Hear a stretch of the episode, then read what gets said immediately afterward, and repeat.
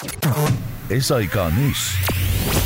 Onafhanklik, onpartydig. Baie dankie Limarie en welkom by Kommentaar vanaand. Verlede week het die president se toespraak die program so effe in die wiele gery, maar hier is ons weer om te praat oor die week se politiek en ek het dieselfde gaste as verlede week omdat hulle nie kans gehad het om lekker te kon gesels nie. So my gaste vanaand is professor Dirk Coetzee, politieke ontleder van Unisa. Goeienaand. Goeienaand Susan. Roland Henwood, politieke ontleder van Universiteit Pretoria. Goeienaand Roland. Goeienaand Susan en ook aan die ander. En Heinrich Weingart, politieke skrywer en die uitvoerende voorsteur van die Kaapse Forum. Goeienaand Heinrich. Hallo Susan en um, Dirk, Roland en die luisteraars. Klankregisseur is Johan Pieterse en my naam is Susan Paxton.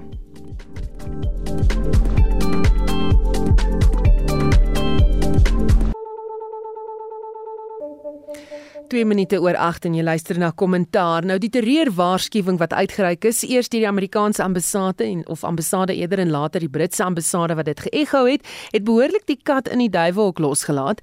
Kritiek uit regeringskringe dat die twee lande eers met plaaslike politici moes gepraat het hieroor voordat hulle so iets bekend maak het uit verskillende departemente opgeklink.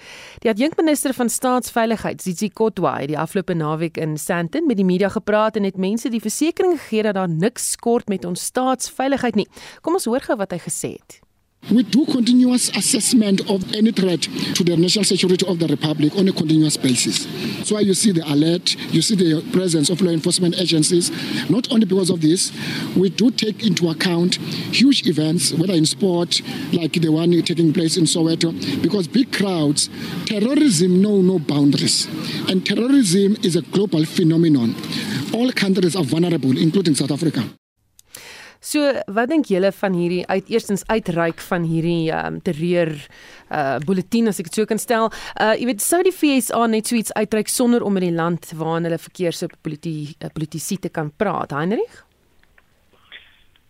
Susanne mens sou wou hê dat wanneer jy jouself in 'n sekere land bevind soos in die geval die ehm um, Amerikaanse ambassade en hulle waarsku die publiek en Amerikaners dat hulle inligting het wat daarop dui dat daar 'n aanval mag plaasvind in 'n belangrike ekonomiese stad uh so voorstad so Sandton in Johannesburg. Dan sou 'n mens hoop dat hulle eers die plaaslike regering die land se regering waar hulle self bevind daaroor moet inlig. Anders word die regering onkan betrap met hierdie aankondiging wat uiteraard paniek kan veroorsaak.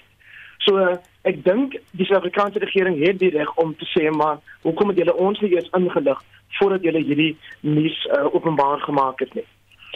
Die tweede ding is dat ongelukkig bevind ons onsself in 'n land waar ons eie veiligheidsagentskappe nie kon voorsien dat ons die Julie 2021 opstand plundering onrus ehm um, gaan uh, sien gebeur in ons land. So, as jy nie eens plaaslik regtig voorspellings kan maak of die tekens behoorlik kan lees van 'n moontlike aanval of opstand nie, hoeveel meer as dit met 'n internasionale organisasie, terreurorganisasie soos ISIS te doen het. Ehm um, maar nou weet ek ook dat Suid-Afrika is maar in die algemeen altyd agterdogtig oor met of weet enigiets Amerikaans behalwe wanneer daar uh, beleggings gemaak word, ekonomiese beleggings in ons land. Ehm um, want ons wil nie gesien word dat ons geboelie word of beïnvloed word deur hierdie wêreldmoondheid nie, want ons realiteit lê primêr aan die ander kant, die kant van China en Rusland, byvoorbeeld. Roland Ja, daar's 'n paar interessante en belangrike aspekte hier. Um, as mens gaan kyk na wat gesê word, dan is dit baie duidelik dat daar wel kontak en kommunikasie met die Suid-Afrikaanse regering was. Die vraag is wat was die reaksie?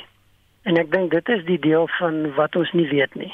Ehm um, daar word nou gesê deur regeringsmense dat hulle is net so belang gefokus hierop en is net so belangrik en dit is 'n risiko, maar dan verseker hulle dat alles onder beheer is en hulle het sake in die hand. Ehm um, ek dink daar's 'n paar aspekte wat hier van belang is. Die eerste is dat daar's protokolle, dit moet gevolg word. Mens wil nie dat paniek geskep word nie. En daar's twee dimensies hieraan.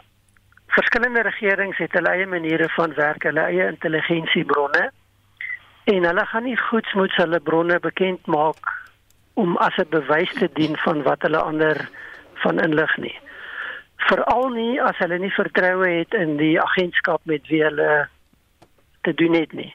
En ek dink ons kan maar aanvaar dat daar nie baie vertroue in die Suid-Afrikaanse agentskap op die stadium is nie. Ehm um, in dit hou verband met 'n klomp goed wat die afgelope jare gebeur het. Maar ek dink die twee belangrikstes is, is waarskynlik die verslag van professor Sandy Africa rondom die Julie 2021 onluste en dan die Zondo verslag wat baie belangrike en kritiese foute strukturele gebreke in die intelligensiediens uitgewys het. Miskien 'n laaste aspek hier en en dit is waar dit ook moeilik raak. Die Suid-Afrikaanse regering by monde van verskillende rolspelers het die afgelope tyd weer maar die afgelope jare deurlopend al hoe meer anti-Amerikaans begin posisioneer en optree. En mens kan baie debatte gaan voer oor die redes daarvoor. Feit van die saak is as jy kom by intelligensie samewerking dan behoort dit glad nie deel te wees van die gesprek en glad nie deel te wees van die reaksie nie. Want dit gebeur agter die skerms. En ek dink dis die probleem. Ons weet nie wat agter die skerms gebeur het nie, maar my afleiding is dat dit nie goed gegaan het nie. En daarmee die en en dan laastens, regering soos die in die FSA het 'n verantwoordelikheid. Hulle is aanspreeklik. As hulle nie 'n waarskuwing uitreik nie en iemand gaan in 'n terroriste aanval iets oorkom, dan gaan hulle aanspreeklik gehou word. Ons het dit al telke male gesien. En dit maak dat hulle in 'n ander situasie is. Maar dit is moeilik en dit kan verhoudinge omkrap en dit is iets wat met groot omsigtigheid hanteer moet word indien jy so 'n uh, waarskuwing wil uitreik in 'n gasheerstaat. Hm. Dirk? Ja, ek stem baie met die Trolland saam. ek dink wat wat ons gesien het wat nou gebeur het is nie die eerste keer nie. Die Amerikaners het dit in die verlede ook gedoen, die Britte het dit ook in die verlede gedoen. Elke keer was dit gekompliseerd geweest in die die openbare reaksie daarop, veral die regering se reaksie daarop. Maar mense moet 'n onderskeid maak tussen die samewerking wat aaneenlopend bestaan tussen die Amerikaanse en ander intelligensiedienste in Suid-Afrika, buitelandse agentskappe, uh, soos die Duitsers en die Britte en ander, um, en wat gedurig besig is om um, soms inligting uit te ruil, soms met mekaar saam te werk. 'n Vorige afgetrede polisiegeneraal het selfs vir my gesê uit sy eie uit Hulle werk baie goed saam met die CIA en met die FBI en op 'n aaneenlopende basis. Dis nie iets wat net by geleentheid plaasvind nie. Ek dink wat ons hier het is um iets wat eintlik baie ironies van aard is en dit is dat Suid-Afrika is wel bekend as dat hy baie goeie finansiële infrastruktuur het. Uh, Veral die bankwese. En soos ek dit verstaan is hierdie huidige situasie te maak met die verskillende moslimgroeperings in Suid-Afrika, ISIS en van die ander um wat oor 'n lang periode reeds Suid-Afrika se infrastruktuur gebruik vir finansiële transaksies met die res van die wêreld en hulle filiale in in Nigerië en in so Somalië en miskien selfs nou in in Noord uh, Mosambiek. En dit word gebruik deur die intelligensiesdienste, die Suid-Afrikaanse, die Amerikaanse en ander eintlik as 'n luisterpos om inligting te kry. Hulle het sommige van hierdie mense al in die verlede gearresteer. As mens terugdink na redelik lank gelede van die twee broers wat gearresteer is en tot dusver nog nie voor die hof gebring is um, en die hofsaak het nog nie begin nie. So daar's duidelik dat daar is selle in Suid-Afrika in verskillende in, in hier in Johannesburg, Pretoria, uh, Durban, Kaapstad, um, en dat hulle in 'n groot mate dopgehou word en dit dit eintlik 'n ideale observasieposte vir intelligensiesdienste is.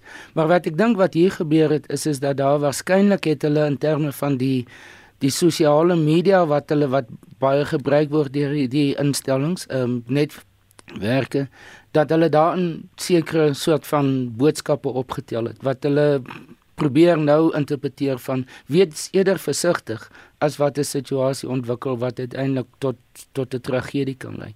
So ek, ek dink wat ons dus sien is dat die die reaksie van die van Zizi Kotwa as adjunkminister en die minister in die in die president se kantoor is meer negatief as die wat eintlik op op 'n meer gereelde basis saamwerk met die die verskillende intelligensiedienste. So dis nie hierdie groot ehm um, polarisering of politieke spanning wat in 'n groot mate ontwikkel het hier nie. Dit ek dink dit is dat die regering wil die idee skep na aanleiding van wat Roland verduidelik het dat die intelligensiediens is besig om op sy voete te kom.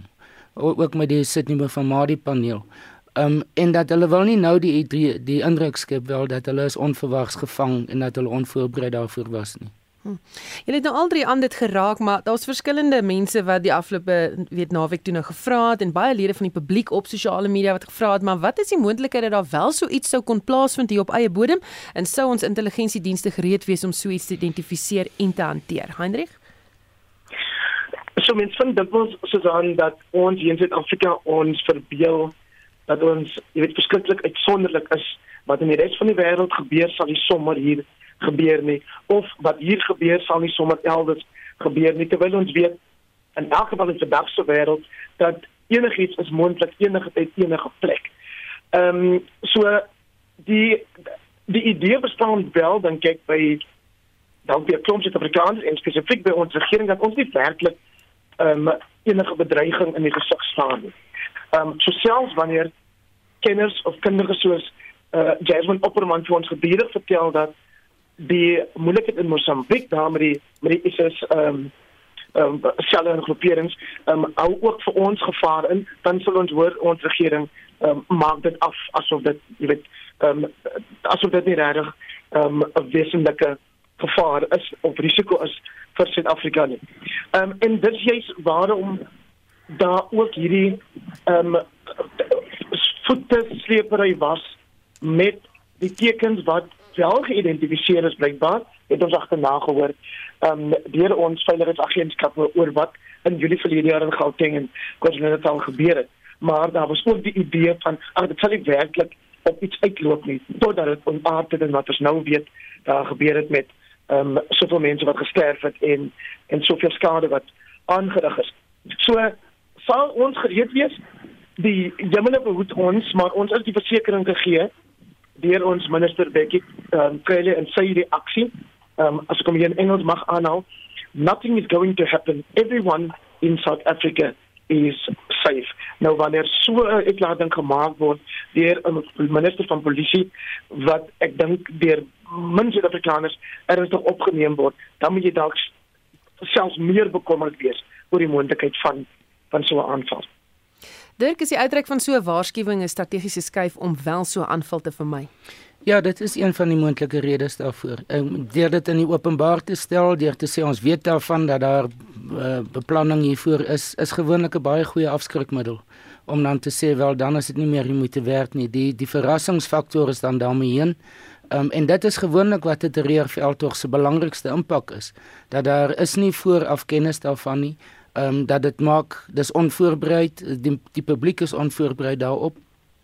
En is veral in die verlede in die 1980s was dit altyd op 'n Vrydag of 'n Saterdag gewees. Dit het die meeste impak ook dan op die publiek in die algemeen. So dit gaan oor wat is die impak die die terreur im, die impak van terreur van van bang wees van onseker wees wat so 'n tipe van 'n insident dan tot gevolg het. Maar as dit reeds bekend gemaak is ehm um, dan in 'n in 'n groot mate verval dat daardie is daardie impak is dan verlore. Hm.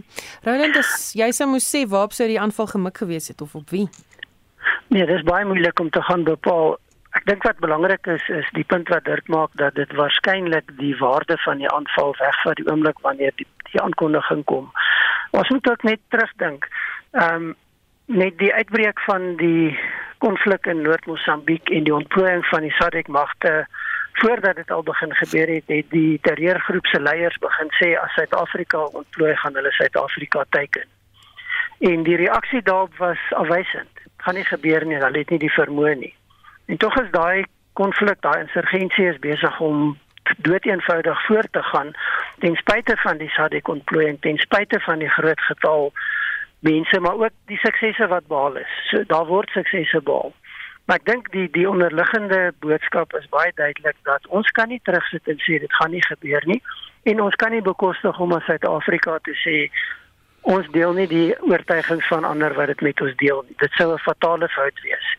En dis die probleem. Die dag as daai insident plaasvind, dan is dit te laat. En dan staan die regering volledig pa vir wat gebeur. En dis hoekom ek dink ons 'n bietjie anders begin kyk na die die manier wat dit aangebied word en die tipe reaksie wat ons daarop kry. Dis moontlik dat die optogte ehm um, wat ehm um, gehou is die naweek die teken was. Maar daar's geen waarheid, dit kan enigiets wees. En ek dink dis 'n ander ding. As ons kyk na die die rol wat gespeel word deur 'n terreurorganisasie soos die in die noorde van Mosambiek, dan is hulle baie buigsaam en kan redelik vinnig besluit en vinnig beweeg. Ehm um, hulle het geleer by wat in Europa gebeur het en wat in ander plekke in Oos-Afrika besig is om te gebeur en wat selfs in Suidoos-Asië gebeur het. So hulle gaan kan redelik vinnig verander, skuif of niks doen. Maar dit hou daai spanning aan die gang en daai bedreiging gaan bly totdat die of die mense gearresteer is of die organisasie op een of ander manier geneutraliseer word. Ehm uh, nie noodwendig met militêre metodes nie, maar dit is waarskynlik die uitkoms wat ons kyk. Is dit tyd dat ons meer indringende vrae begin vra oor terreurgroepe se teenwoordigheid in die land, Dirk? Ja, ek dink dis iets wat ons moet baie beslis dophou. Um, en soos ek vroeër probeer verduidelik, dis nie noodwendig dat hulle probeer om hier steen te werf nie. Hulle gebruik dit eerder as 'n basis vir ander doeleindes. Um, want oor die algemeen in in Roland is heeltemal korrek. Die Suid-Afrika se teenwoordigheid in Noord-Mosambiek is 'n nuwe tendens. In die verlede Suid-Afrika was nie betrokke in Somalië nie, dit was nie betrokke in Nigerië uh, nie, dit was betrokke by by Darfur. Ehm um, Maar byvoorbeeld die die die die, die wyse waarop Kenia homself blootgestel het deur so groot teenwoordigheid in Somalië en die Afrika Unie Vredesmag daar te hê, het gelei tot die aanvalle van op op uh, inkopiesentrums um en selfs op op op vlugtye um in Kenia. Terwyl gelukkig tot dusver het ons nie iets so nie want ek dink die Suid-Afrikaanse regering se beleid in die algemeen is redelik pro Midde-Ooste, pro Palestyns pro en word nie eh, betrokke by die die die probleemsituasie soos byvoorbeeld in Nigerië met uh, of soos in Somalië of of of ander of in Mali byvoorbeeld en so en so in 'n groot mate probeer hulle daarvan wegbly en word Suid-Afrika dus nie by implikasie blootgestel 'n assosiasie as die opponent of die vyand in in daardie nie. In die geval van no, uh, Noord-Mosambiek, ek dink die die groepering wat meer betrokke is, is meer gefokus op op Tansanië as wat dit kyk na Suid-Afrika. Is relatief ver verwyderd van Suid-Afrika se onmiddellike grense. So ek dink nie daar is noodwendige direkte teiken nie, maar dit gaan eerder oor ehm um, wie die verskillende jihadi groeperings wat wat Suid-Afrika as 'n basis gebruik vir om nie hier op te tree nie, maar eerder hier vanaand te funksioneer en veral oorplasing finansiële oorplasings te kan doen. So dis 'n meer 'n 'n logistieke situasie wat hier geskep word en nie soseer 'n aktiewe optrede teen teen sogenaamde opponente van hulle nie. Hmm. Dis ook daai dreigement oor, jy weet, die gryslys waarop ons geplaas gaan word. Dis daardie ja, beweging van die finansies. Ek ek dink ek wou moes eintlik vroeër daaroor gepraat het. Ek dink dis 'n aspek wat wat definitief relevant is vir hierdie punt. Um, en dit is iets wat waarskynlik die Amerikaners kan gebruik as 'n mens dit so wil sien as 'n taktik om druk op die Suid-Afrikaanse regering te plaas om te sê julle moet hierdie instellings wat nodig is, moet julle verbeter en om hierdie finansiële uh, gapings wat daar bestaan in die stelsel om dit meer en meer toe te maak. En die Suid-Afrikaanse re regering het baie vinnig daarop gereageer met nuwe wetgewing wat nou in die pipeline is. Um, en met die finansiële intelligensie sentrum en wat besig is om hulle hulle uh, hulle prosedures heelwat te verbeter. So ek dink daar is 'n daar is definitiewe koneksie tussen die twee. Um en dit is ek dink 'n voorbeeld dan wat die Amerikaners vir Suid-Afrika gebruik van sê as jy 'n nuwe vordering daarmee maak nie, gaan hierdie tipe van insidente meer en meer word. Hmm. Heinrich Ek sit en luister um, na na Dirk spesifiek en dan wonder ek oor die kwessie van belange wat maar altyd beskerm word uh Susan uh, van watter kant af dit ook al kom. So uh, ek weet ook dat 'n uh, kwessie wat die Suid-Afrikaanse regering dan spesifiek die ANC as 'n voormalige bevrydingsbeweging natuurlik baie beklemtoon is die vraag oor oor wan wat jy met disinformation dis um wan informasie wat jy hoor ja ehm um, en en en en daarom probeer ek verstaan dat as die Suid-Afrikaanse regering op 'n bepaalde manier reageer soos in hierdie geval waar die Amerikaners vir sê, "Hoor ons weet nie presies wanneer so iets kan gebeur en wat die metode is wat sal gebruik word nie en wie die spesifieke teiken is nie. Maar ons weet oor die naweek van 29 tot 30 Oktober kan daar moontlik 'n aanval uitgevoer word. Dan dan dan verstaan ek dat die Suid-Afrikaanse regering aandring op meer inligting of sou wil hê dat die mens die bekendmaking daarvan dan om, meer omsigtig moet hanteer. Ehm um, en en dis dalk wat die kopperstamper in die in die ehm um, geval veroorsaak het. En dan is dit ook so dat die Suid-Afrikaanse finansiële stelsel wat ons banke en so meer aanbetref is nog altyd geprys as een van die beste in die wêreld. En daarom selfs toe dit gelyk het of alles in een stort gedurende die Zuma era kon ons nog steeds daar op staat maak. Goed, kom ons beweeg aan na 'n volgende tema toe want hierdie ene dink ek uh, gaan nog vir 'n rukkie hierso om ons ore rondfladder die terreur waarskuwing en alles wat daar gaan uitplooi en miskien dalk die uh, jy weet al die uh, verhoudinge nou tussen die verskillende lande na dese. Goed, een van die groot gebeurtenisse die week waar almal steeds praat is ook die mediumtermyn begrotingsrede van die minister van finansies Enoch Godongwana. Baie mense wat sê dit was redelik positief, maar ekonome is steeds skepties en bekommerd. Julle algemene indrukke van hierdie begroting, wat het uitgestaan, Ryland? Ek dink die positiewe boodskap het uitgestaan. Die verwagting was soos gewoonlik met so 'n aankondiging dat dit meer negatief gaan wees. En daar was goeie nuus, daar was uitstaande punte wat die minister kon aanbied. Die skeptisisme draai om die aannames. En en ongelukkig het ons in Suid-Afrika oor tyd gesien dat hierdie tipe aannames is baie wisselvallig en as dit neig om te optimisties te wees dan gaan dit waarskynlik nie realiseer nie. Saam met die aannames, die feit dat daar groot skeptisisme is oor die vermoë om die besluite te omskep in aflewerbare uitkomste. Weereens 'n groot uitdaging en 'n swakpunt in die in die in die um, Suid-Afrikaanse regering. So die die die begroting self het goeie nuus gehad. Ehm um, en en ek dink miskien om dit op te som tipies die Suid-Afrikaanse konteks van dis nie so sleg as wat 'n mens dink dit gaan wees nie. Daar's altyd iets positief en goeie nuus wat daarmee saamgaan. Maar die toets gaan lê in hoe realiseer dit en hoe gaan die regering bly by die doelwitte wat gestel is en die ondernemings wat gegee word. Heinrich, wat het vir jou uitgestaan in jou algemene indrukke? Wat sou Roland sê, uh, is so dan die die, die positiewe prentjie wat geskets word, dinge sal beter gaan en uh, daar sal baie belangrik meer geld bestee word dubbel soveel dink ek um, as wat dit tot nou die geval was um, aan infrastruktuur. Nou ons het dit al voorheen gehoor uit die president se mond uit en in die vorige ehm um, begrotingsrede ehm um, vir hierdie jaar. So die vraag dan is altyd een selfs al is die geld beskikbaar bestaan die nodige kundigheid om te verseker dat die projekte wel van die grond afkom. En ons het daarmee nie die beste rekord nie. So 'n mens wil hoop dat in hierdie ehm um, wat president Ramaphosa ons wil laat glo na staatskaping era is dat ons nou daadwerklik sal sien dat 'n aksie geneem word wanneer dit kom by hierdie beloftes oor infrastruktuur skepping wat uiteindelik die ekonomie moet help groei.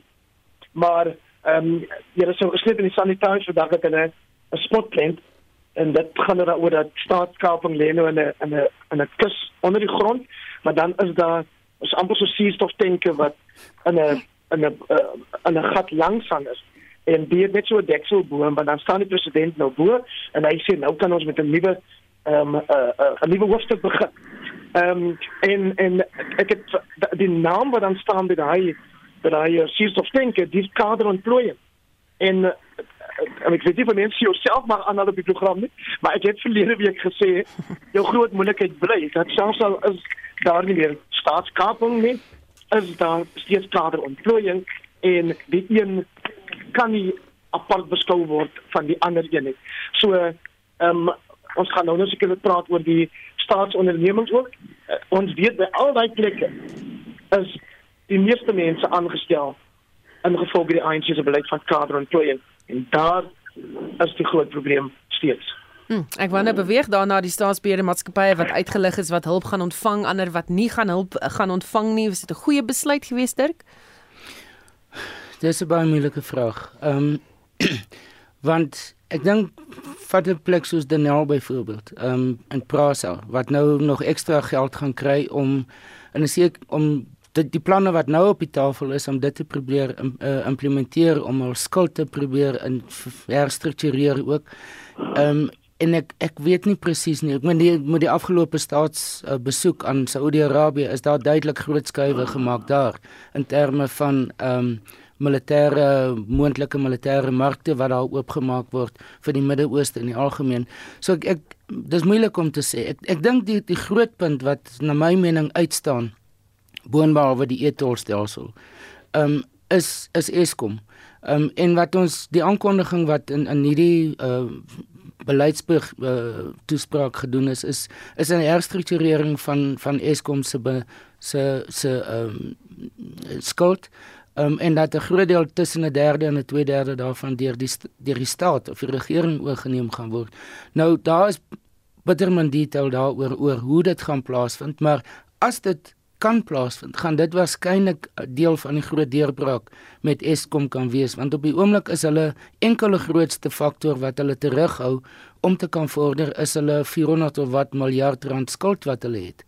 Ehm um, en daar is tot dusver geen plan gewees hoe om dit te kan aanspreek nie. So dis een aspek dink ek wat hier ehm um, wat nou op die tafel is. Ehm um, of hulle dit uiteindelik met die Suid-Afrikaanse banke wat daarbey betrokke is en wat in 'n groot mate die die die die verskaffing was van die kapitaal of die likwiditeit daarvoor um, of hulle tot 'n ooreenkoms daaroor kan kom ek dink dis die groot vraag wat wat nog onduidelik is. Die ander aspek gaan oor um, of dat die die die, die beperkings wat hulle op die fiskale beleid in in plaas veral die verhoging van van staats uh, salarisse om of hulle dit uiteindelik gaan kan kan implementeer dat kan afdwing want dit hang af van onderhandelinge met die ehm um, staatsdiens uh, vakbonde.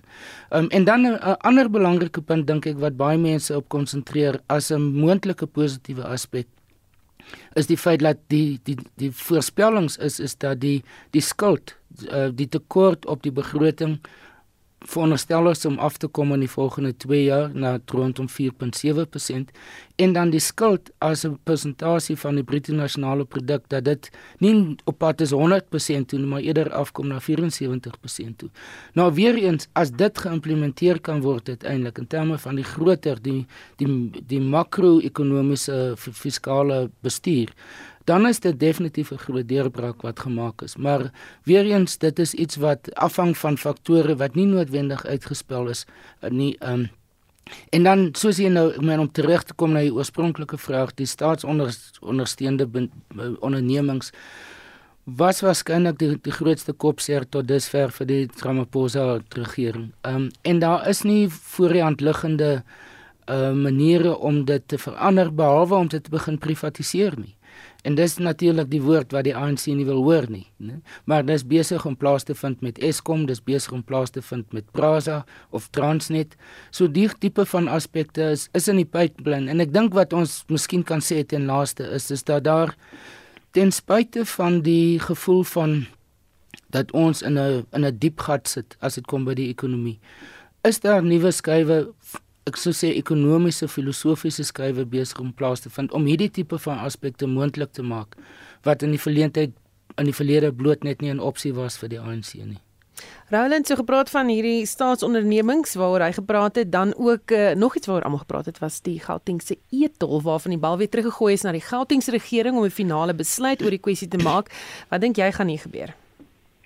Wel die die ANC en Gauteng is van die begin af baie sterk gekant gewees teen die stelsel en was een van die grootste stemme dat dit nie net gestop moet word nie, maar uitgefaseer moet word. En as ons gaan kyk na die reaksie van die nuwe premier, dan is dit baie duidelik dat hulle dink dit was 'n oorwinning. Ehm um, die vraag wat natuurlik gevra word, wat is die finansiële implikasies hiervan? Wie gaan die kostes dra? op watter manier gaan dit gedra word en wat gaan die uitwerking daarvan wees. Die posisie van die Gauteng regering was hierdie week weer baie duidelik dat hierdie is 'n nasionale bate, dis nie 'n Gauteng verantwoordelikheid nie, dit kan nie so bedryf word nie. So mense moet kyk wat presies gaan gebeur en wat die effek gaan wees oor die langer termyn. Maar ek dink as ons gaan kyk na die praktyk, dan is dit waarskynlik die doodsklok vir enigiemand wat nog gedink het hulle het een of ander verantwoordelikheid en hulle moet nog steeds bydra tot hierdie projek. Dit is waarskynlik die einde van die projek in sy huidige vorm. Ja, goeie nuus vir Gautengse motoriste wat ook al dit beteken. Uh, dan het ons nou ook gesê of ons gepraat oor Eskom en dis in die grootste ene staatsonderneming wat almal, jy weet, na verwys in hierdie begrotingsrede, maar Machela Koko, voormalig bestuurshoof van Eskom en sy stiefdogter is die week gearresteer vir hulle bydrae tot grootskaalse korrupsie daar. Die staatsanklaer in die borgvoer het aangevoer dat Koko in die middel gestaan het van 'n meesterplan om ABB, 'n Switserse ingenieursfirma, met kritiese inligting te voer en Koko se invloed by Eskom te gebruik om die maatskappy kontrakte laat bekom vir ingenieurswerke by Kusile. Die aanklagte teen Kokko strek oor 92 bladsye, 24 aanklagtes van korrupsie wat so opgeteken is. In Kokko voer aan hy is 'n eerlike sakeman en sal homself verdedig. Die hof het 300 000 rand borg toegestaan aan hierdie beskuldigdes. Ehm um, gaan ons sien dat die waarheid gaan seëvier, Heinrich.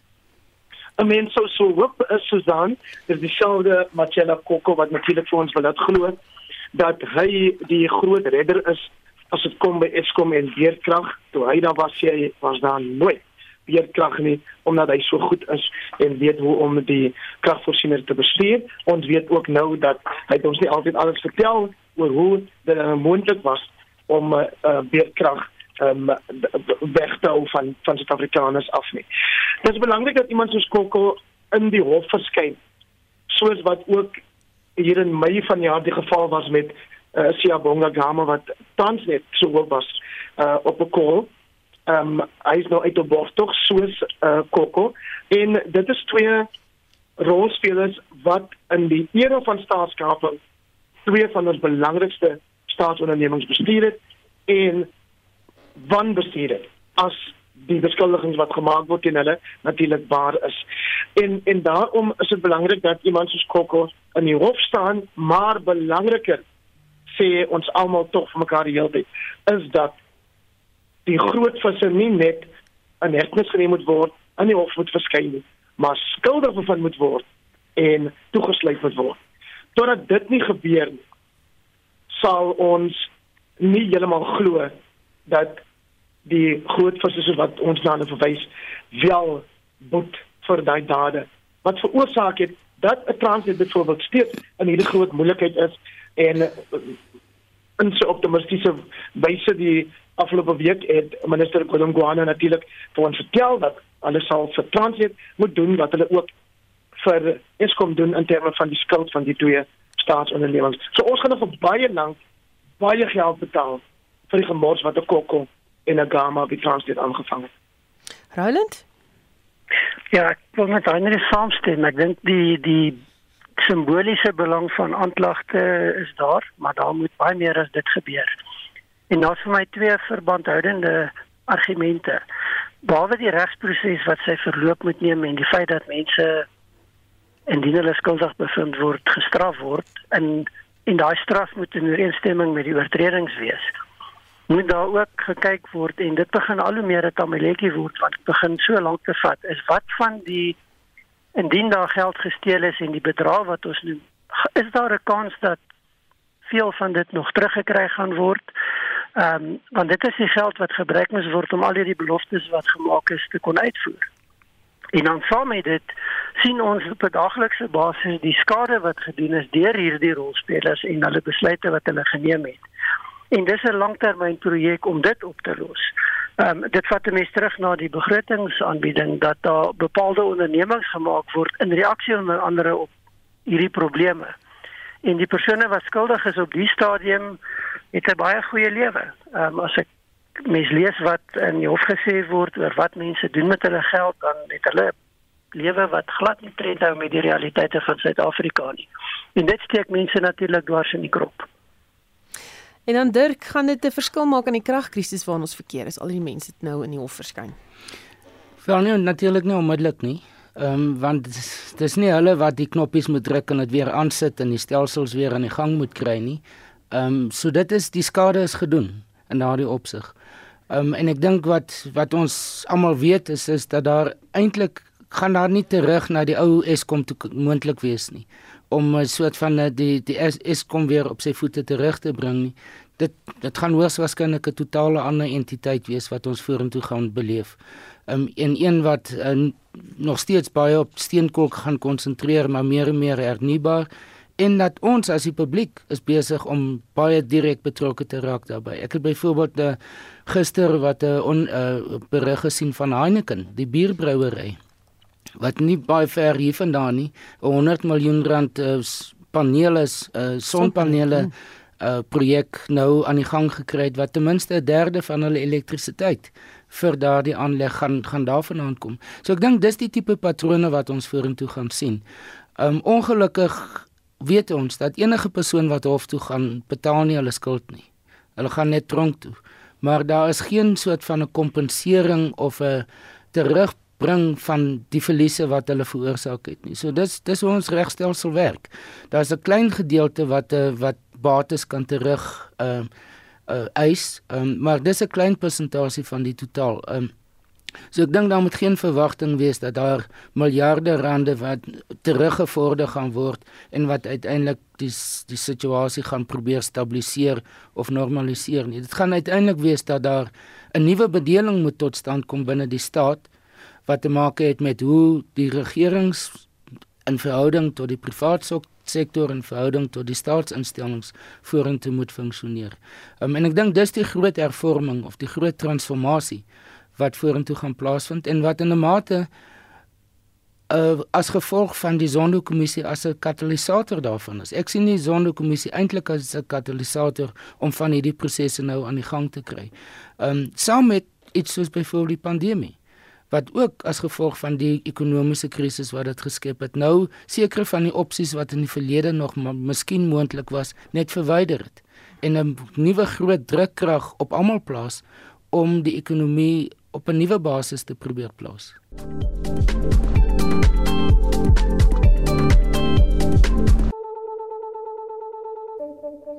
Welkom terug by Kommentaar. My gaste Heinrich Weingart, Roland Henwood en professor Dirk Coetzee en dit was Afrikaners sukkel om by te hou met die aanhoudende beurtkrag en ons het gesien dat Netwerk 24 vandag berig het 2400 ure wat ons al in die donker gesit het die afgelope jaar.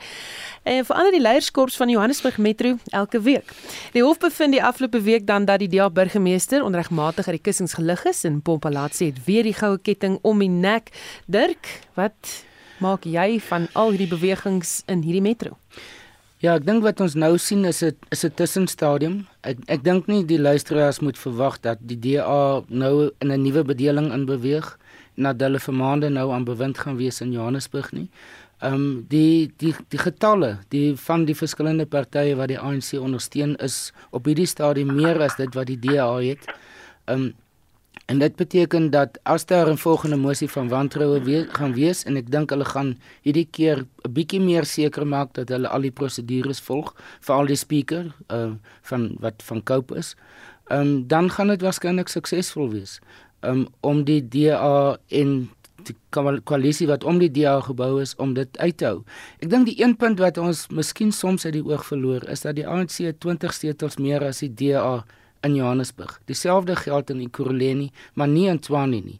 Daar het die die, die ANC meerderheid net van 6.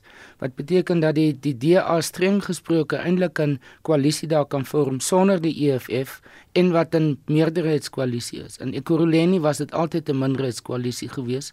So die oomblik as die ANC en die EFF bymekaar kon kom, sou daai koalisie geval het. Dit dit was absoluut voorspelbaar geweest. In die geval van Johannesburg is die groot skuif wat plaasgevind het, die Patriotic Alliance.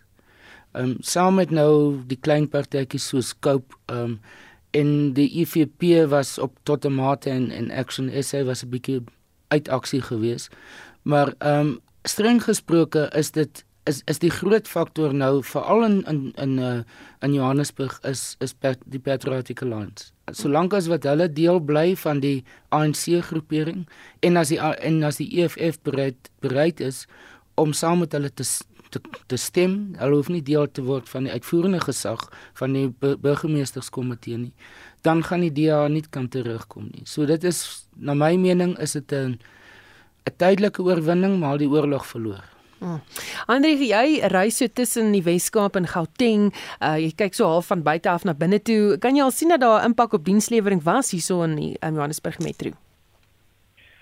Susan, dit word natuurlik bemoeilik deur ek wil amper sê jy nou nou um, na beerdkrag verwys, maar jy weet hierdie verandering in regering die heeltyd maak dit onmoontlik vir wie ook al aan bewind is om werklik 'n verskil te maak want jy begin net en dan word daar 'n uh, mosie van wantroue ingedien en die gevolg daarvan is dikwels dat projekte of dienslewering daaronder lê want wie is dan nou aan bewind en as ek kan my voorstel selfs dat hierdie DA koalisie dan nou en ek moet seker nie dat 'n DA koalisie noem nie want die ander partye raak altyd kwaad daaroor.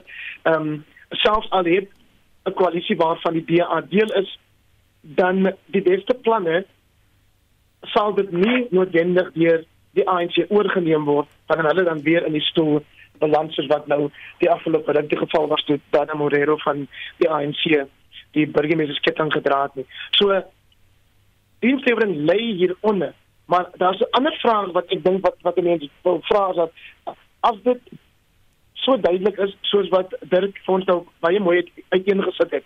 Ehm um, en ter hoofuitspraak kom het ek ook gedink simbolies is dit baie betekenisvol, maar die politiek van daai raad gaan maak dat Palazzi dalk nie eens vir 'n week in die pos gaan aanbly.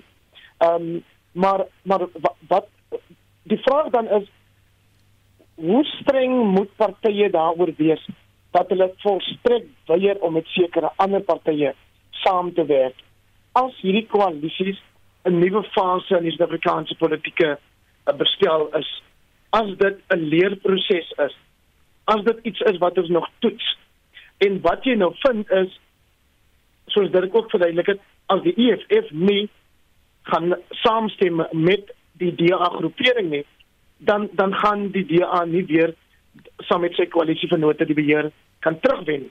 Ehm um, dalk totdat ons die volgende plaaslike verkiesing hou. Maar maar ehm um, dit is my interessant dat eh uh, Dr. Palazzi self die voorstel gemaak het aan die DA dat die party dat sy met die EFF wil praat. En dit sê vir my sy moes duidelik oortuig gewees het daarvan dat sy 'n uh, beter manier sal hê om met die EFF te kommunikeer. Anders as sê nou maar Dr. Klein Mulder wat van die VF+ se kant af 'n um, soort van in beheer is van die die koalisie groepering um, se se administrasie as jy wil en en uh, John Steenhuisen as as ek dan die DA leier se naam moet gebruik. Maar was die DA bekommerd dat dit op die ou end weer kan uitloop in wat mense seker nou kan noem 'n uh, Herman Mashaba EFF uh uh jy weet partytjie wat hulle hier te staan gekom het in 'n vorige ervaring. Ehm um, maar wat beteken dit vir Paul Palazzi se rol as 'n senior leier en mag ek dit nou maar sê swart leier in die DA as die federale uitvoerende bestuur sê nee, dankie vir jou voorstel maar ons gaan nie met die EFF praat nie. Roland, wil jy daarop reageer? Ja, ek dink ander is vra 'n paar baie belangrike en legitieme vrae. Ons moet ook bietjie na die konteks gaan kyk van hoe sake ontwikkel tot waar ons nou is. En ek dink daar's 'n hele paar fasette wat hier van belang kan wees.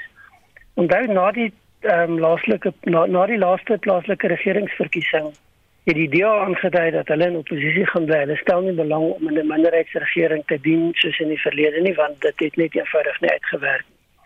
En die rede waarom dit nie uitgewerk het, is dat hulle onderhewig was aan groot druk van die EFF om toegewings te kry En daar's nog baie vrae wat gevra word oor tenders wat toegeken is wat skynbaar tot die EFF se voordeel toegeken is.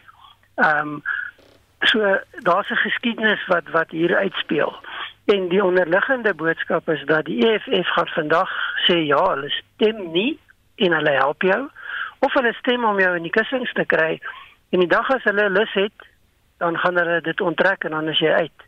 So dit werk onstabiliteit in die hand die die belangrike aspek vir my hier is dat ek lees ook wat gebeur rondom die EFF in terme van uitsprake wat die leierskap op nasionale vlak maak. En dit het gegaan rondom samewerking met die ANC in die nasionale verkiesings in 2024 en die vorming van koalisies. Daar's natuurlik mense in die ANC wat dit baie graag wil doen en is daar mense wat geweldig sterk voel dat dit nie moet gebeur nie. En hierdie is waarskynlik deel van daardie wys van wat kan ons doen en wat kan ons aflewer. Wat dit verder interessant maak is dat letterlik 'n week, twee weke later het die EFF gewer om met die ANC saam te stem in Ekurhuleni. So daar's 'n kat en muis speletjie. En ek dink die ongelukkige antwoord wat hier na vore kom is dat getalle tel. As jy 'n minderheidsregering is, dan moet jy weet jy gaan aan bande gelê word en jy gaan waarskynlik nie oorleef in die terme van die Suid-Afrikaanse politiek nie. Maar die tweede belangrike ding is dat partyleiers hulle eie belange nastreef teen alle koste. Ons sien dit in die rol wat Cope gespeel het, ons sien dit in die rol wat die Patriotic Alliance gespeel het. Dit het baie min te doen met kiesersbelange en direk te doen met partybelange. En die patroon speel reg oor Suid-Afrika uit op 'n toenemende vlak. So die moeilike vraag wat partyleiers moet vra is: gaan hulle pragmaties wees of gaan hulle beginselvas wees? En vir beide van daardie gaan jy 'n prys betaal. Ook interessant dat die dat die ehm um, Action South Africa ook die afgelope 2 weke die oefening was waar dieselfde ehm um, menings getoets is. En die groot meerderheid van partylede het gesê hulle wil hê om met die ANC saam te werk en hulle wil ook nie met die EFF saamwerk nie. Ten spyte wat van die partyleiers sê en voor ehm um, beklei. So ons sit met 'n geweldige vloeibare situasie En dit gaan waarskynlik in die medium termyn voortduur. Ek dink nie ons gaan baie vinnig hier deurkom nie totdat die lesse geleer word van wat gebeur, wat is moontlik. Uh moenie vergeet wat die rol die EFF gespeel het om hom en Mashaba tot 'n val te bring in in in die Johannesburg se metro nie. So daar's 'n ongelukkige geskiedenis dink ek wat ook onderliggend is aan die besluite wat geneem word. Dit gaan nie net oor voorkeure en partyleiers wat hier 'n rol speel nie. Dit gaan ook oor die geskiedenis van optrede en natuurlik dan gedeelde belange, baie belangrik en dan saam met dit eie belange wat lyk dit vir my deurgaans eintlik maar die belangrikste is. Hm. Ek wil nog 'n bietjie gesels oor die Tshwane Metro ook, maar ons tyd gaan ons inhaal en ek wil graag na uh, een of twee kwessies in die buiteland kyk. Eerste ene is die Britse nuwe eerste minister Rishi Sunak het skaars in Downingstraat ingetrek of al sy sake word blootgelê. Glo sou sy vrou ryker wees as die oorlede koningin Elizabeth en glo betaal sy nie belasting in Brittanje nie, maar wel in Indië van waar haar rykdom vandaan kom. En sy het gesê sy sal wel belasting betaal in Brittanje omdat sy wil en uh, dis die regte ding om te doen en nie omdat sy gedwing word nie. So dinge daar ook al wankerig begin. Ehm um, dit daar lê 'n groot taak op Sunak se skouers. Ja, nee baie beslis. Ek meen ons ons weet hy is nou die derde premier in 'n baie kort tydjie. Ehm um, die ekonomiese situasie in Brittanje het beroerd geraak as as gevolg van hierdie onstabiliteit daar en uitsprake wat hulle gemaak het veral in die Truss se periode. Ehm um, en ek dink wat wat almal nou nou sien of wil sien is eerdens eerstens 'n stabilisering van die ekonomiese situasie. Die tweede aspek wat ter sprake is wat wat die die oppositie, die Arbeidersparty spesifiek baie sterk op staan is dat daar 'n vroeë verkiesing moet wees omdat hulle op hierdie stadium iets soos 30 punte voor die konservatiewe party is. So 'n verkiesing sou baie beslis in hulle guns wees. Ehm um, en die konservatiewes natuurlik gaan nou eers probeer om te kyk of hulle nie kan van die stemme terugwen wat dan nou oor oor tyd verloor het nie.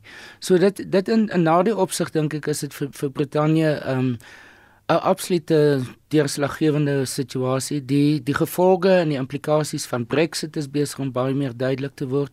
Die probleme as gevolg daarvan in Noord-Ierland, die feit dat hulle nie hulle eie streeks regering tot kan tot stand bring nie, nou daar 'n moontlike verkiesing moet plaasvind, is 'n groot kompliserende faktor wat wat daarmee te maak het. Hulle verhouding met die res van Europa is nog nie 100% uitgesorteer nie. Um, en dan natuurlik hulle eie probleme rondom um, energie ehm um, die inflasie wat oor die 10% is wat totaal ongekend vir die Britse situasie is. So dis alles groot groot uitdagings vir vir Sunak se regering. Ehm um, en wat hy moet probeer en dis dis om ongunstige omstandighede omdat dit ook nou nog winter is.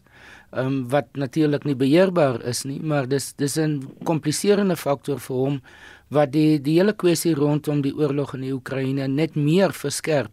En dit is interessant om te om te weet dat Brittanje saam met die Amerikaners en en, en tot en met die Duitsers is die drie grootste weermagte wat betrokke is by die oorlog in die Oekraïne. So daar's 'n addisionele kostefaktor vir die Britte as gevolg van hulle betrokkeheid by die oorlog wat hulle eintlik nie op kom kompromie kan aangaan op die oomblik nie gegee wat die groter prentjie van van NAVO en van die Europese Unie se betrokkeheid.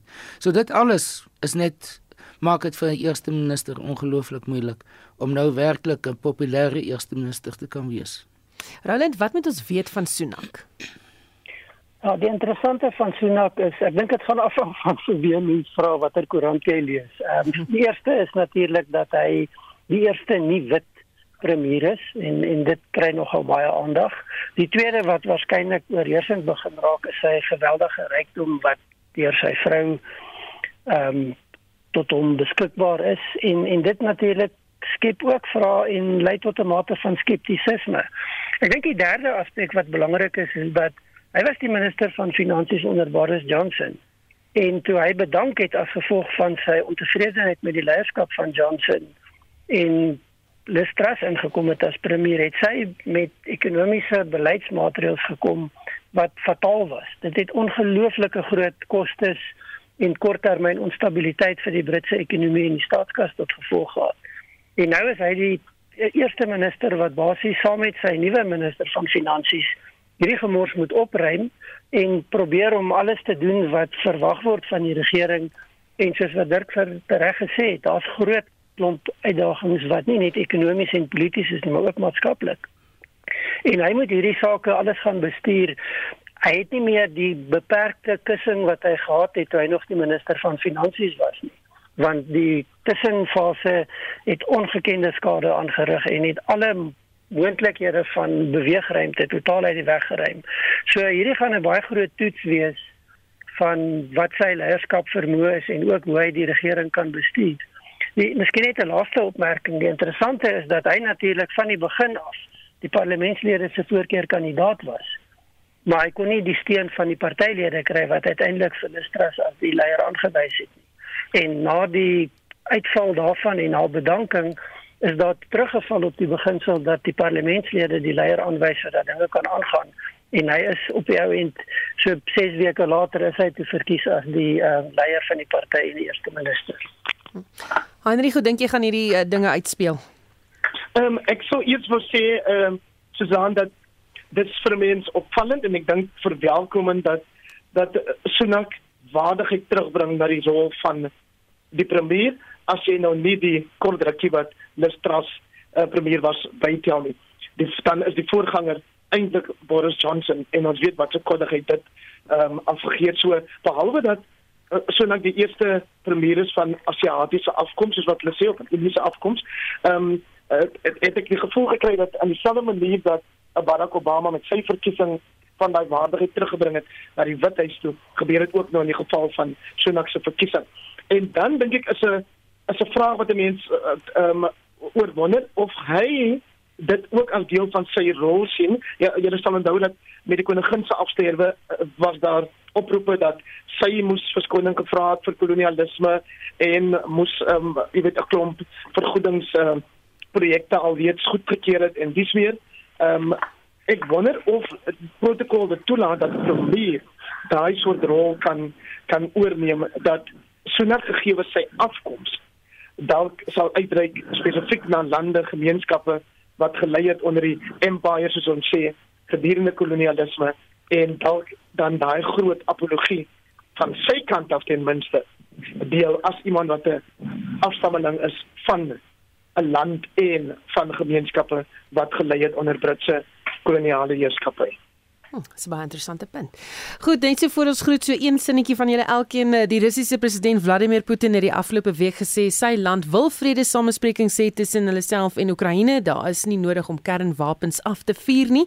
Dis 'n oorlog tussen die twee lande wat steeds voortduur. Daar was 'n uh, eh, sprake van die sogenaamde dirty bomb die afgelope week. Uh, Roland Ja, ek dink op die stadium is dit praatjies. Ehm um, daar's 'n baie intense propagandaveld tog wat van beide kante gevoer word en hierdie is deel daarvan. Baie duidelik is dat ehm um, president Putin is onder groot druk. Die oorlog gaan nie goed vir hom nie en hierdie is maar alles maniere wat gebruik word om druk te verskuif. En dan miskien die laaste punt, hy het geweldige aanvalle op die Britte gedoen oor hulle betrokkeheid en hulle direkte betrokkeheid ehm um, by die oorlog wat waarskynlik op die stadium nie net nie bewys kan word nie, maar waarskynlik nie waar is in die sin van 'n direkte ontplooiing nie, maar dit is baie duidelik dat hy onder groot druk is en enigiets gaan probeer om daai druk so bietjie te verlig en te verskuif. Heinrich, wat maak jy van uh, die uh, jongste gebeure daar? Susan, laat ek net sê of die moontlike gebruik van kernwapens 'n bangmaak storie is of 'n werklike moontlikheid, God behoed. Daar sê dis nogal 'n sterk sterk uitspraak daarvan dit is as daar kernwapens moet gebruik word, Dirk. Ja, ek ek stem saam daarmee. Die kanse vir kernwapens is baie baie gering. Ehm um, of 'n um, um, um, dirty bomb soos hulle sê wat nie kernwapens is nie. Hmm, dis gewoon dit dit is dit het te maak met ander forme van biologiese wapens en so wat in in 'n bom saamgevat word. Ehm um, so dit is ek dink dit is bietjie van 'n bangmaak storie. Maar wat interessant is is byvoorbeeld nou die so, die insident wat wat nou in die Krimskere land weer plaasgevind het, né?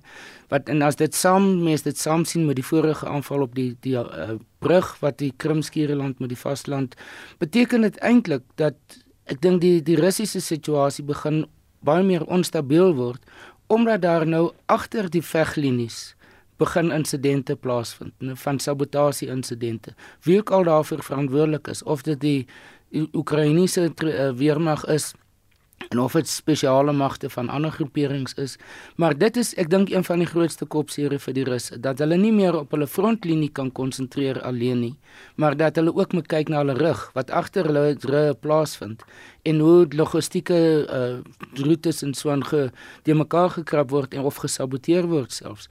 Um, en dit is ek dink wat daar te sprake is is byvoorbeeld die die rol wat uh, wat hommeltuie speel. Ek het net voor ek na toe gekom het na die gekyk na die Turkse hommeltuie, die Bayraktar wat gebruik is byvoorbeeld op aanvalle op die Russiese vloot in die Swartsee. Ehm um, en wat meer en meer nou die krediet kry dat dit 'n baie groot rol daarin speel. Terwyl Turkye terselfdertyd die die mediator in die proses is, né? So die die lyne wat mense in die oorlog sien, veral as dit kom by hierdie verskillende lande, is nie so swart en wit soos wat baie mense dit graag sou wil sien nie. Um, ek dink wat ons sien is dat die oorlog is besig om in 'n mate te nie te eskaleer nie, maar te begin verdiep um, en begin in in posisies ontwikkel wat baie moeilik is om op die langtermyn te kan aanspreek en die sisteem van professor Dirk Coetzee van die Nisa en dis alwaar vir ons tyd het. Ongelukkig so baie nog om te sê ek dink ons moet dalk 'n halfweeklikse kommentaar op 'n Woensdag aand doen. Of wat is op daai is dalk 'n plan dink ek. Maar dankie dat jy saam geluister het vanaand. Die uh, my gaste so gesê professor Dirk Coetzee politieke ontleder van die Nisa Roland Henwood politieke ontleder van Universiteit Pretoria. En Heinrich Weingart politieke skrywer en die uitvoerende voorsitter van die Kaapse Forum of Forum. Die klankregisseur Johan Pieterse ek is Susan Paxton. Bly ingeskakel hier op RC want Limarie gaan vir jou geselskap geselskap hou die res van die aand.